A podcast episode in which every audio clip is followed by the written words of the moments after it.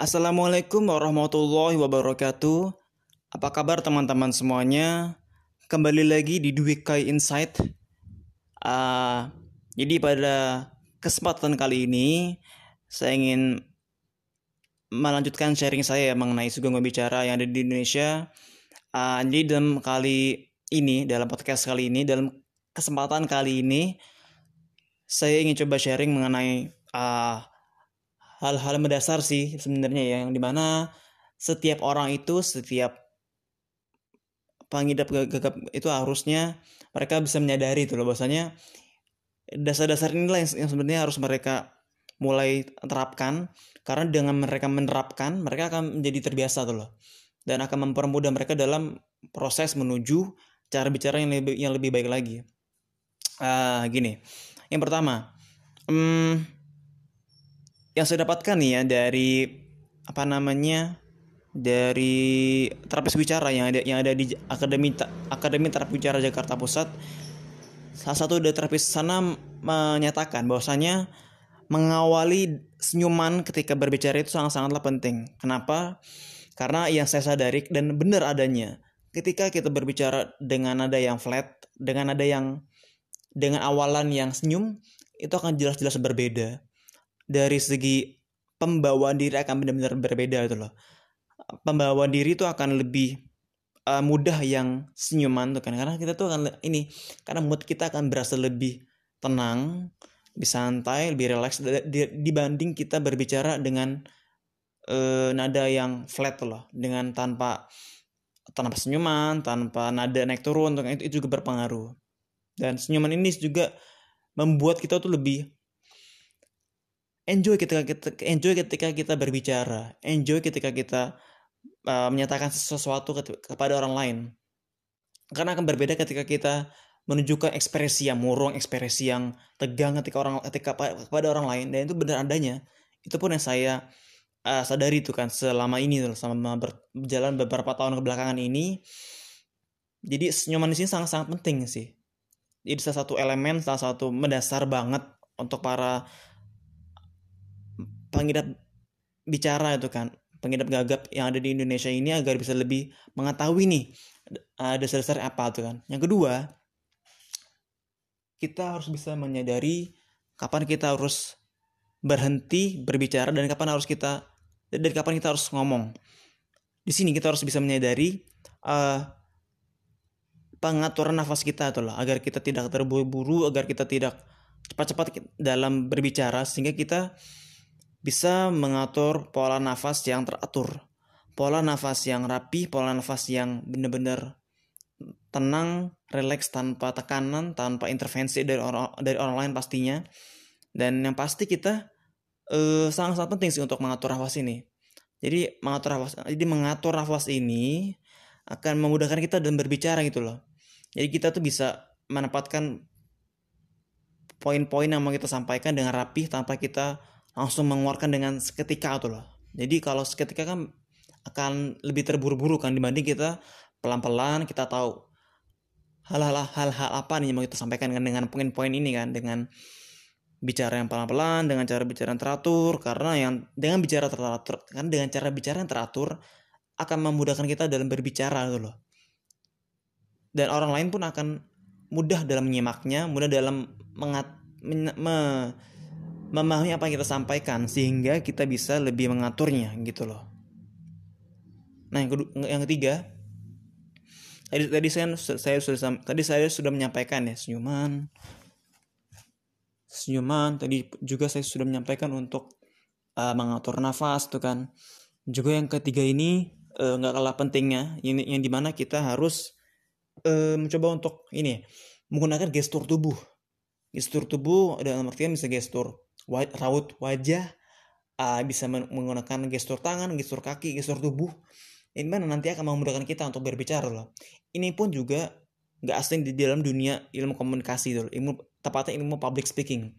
Ini, ini di mana gestur tubuh ini sangat sangatlah penting juga untuk kita ketahui gitu kan bahwasanya gestur tubuh ini sangat sangatlah uh, berperan aktif juga. Jadi kita nggak hanya sekedar ngomong tuh kan dalam mengandalkan mulut kita tapi kita juga mengandalkan ges uh, tangan kita untuk berbicara untuk agar lebih mudah. Itu pun ada dalam ilmu public speaking.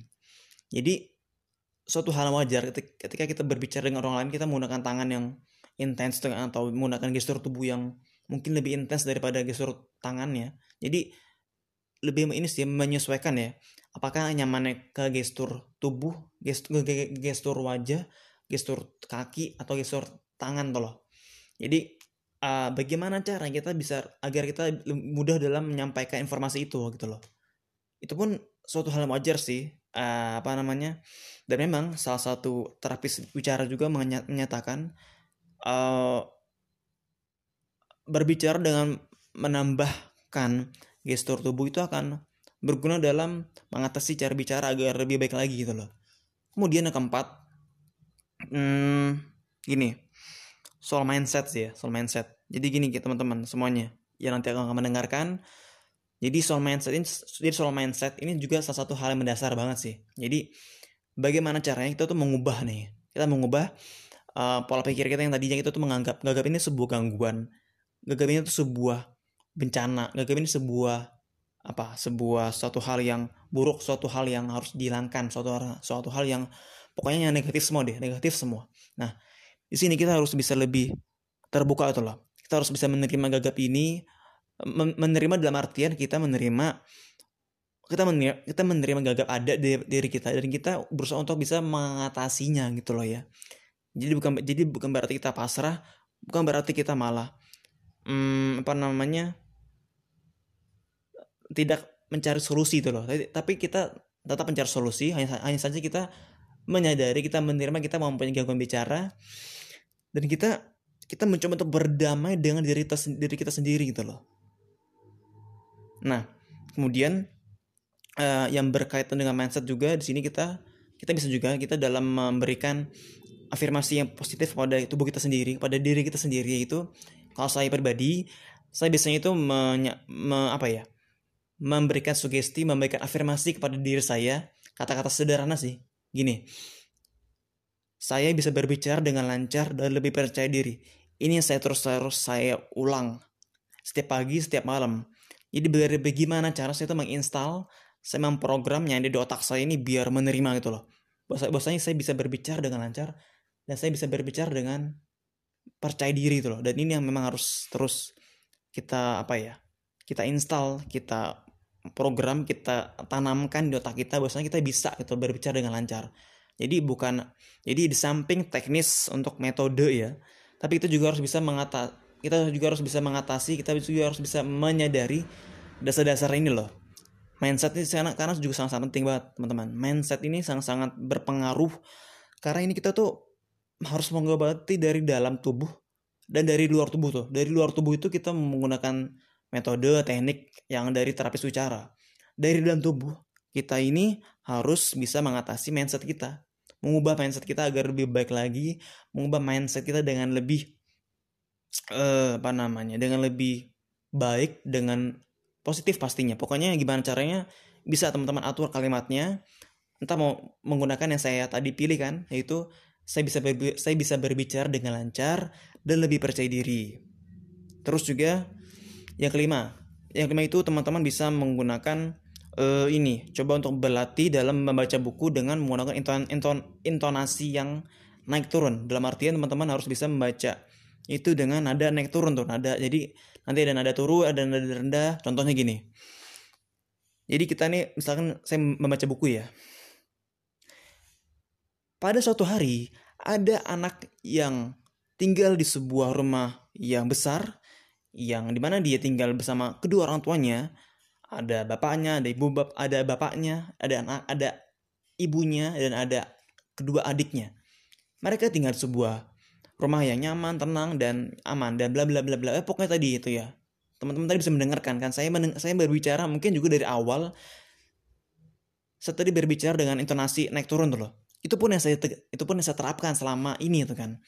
Dan itu memang sangat-sangat juga berguna karena kita karena kita memang harus juga harus juga harus mencoba untuk berbagai, berbagai macam cara sih teman-teman. Yang nantinya akan membuat kita menjadi terbiasa tuh. Dan memang awalnya memang mesti paksa sih saya harus meng, saya harus bisa mengakui ya. Memang kita memang harus memaksa diri kita ini untuk mencoba beberapa terapi gitu kan beberapa metode beberapa teknik yang nantinya akan menjadi sebuah habit gitu loh.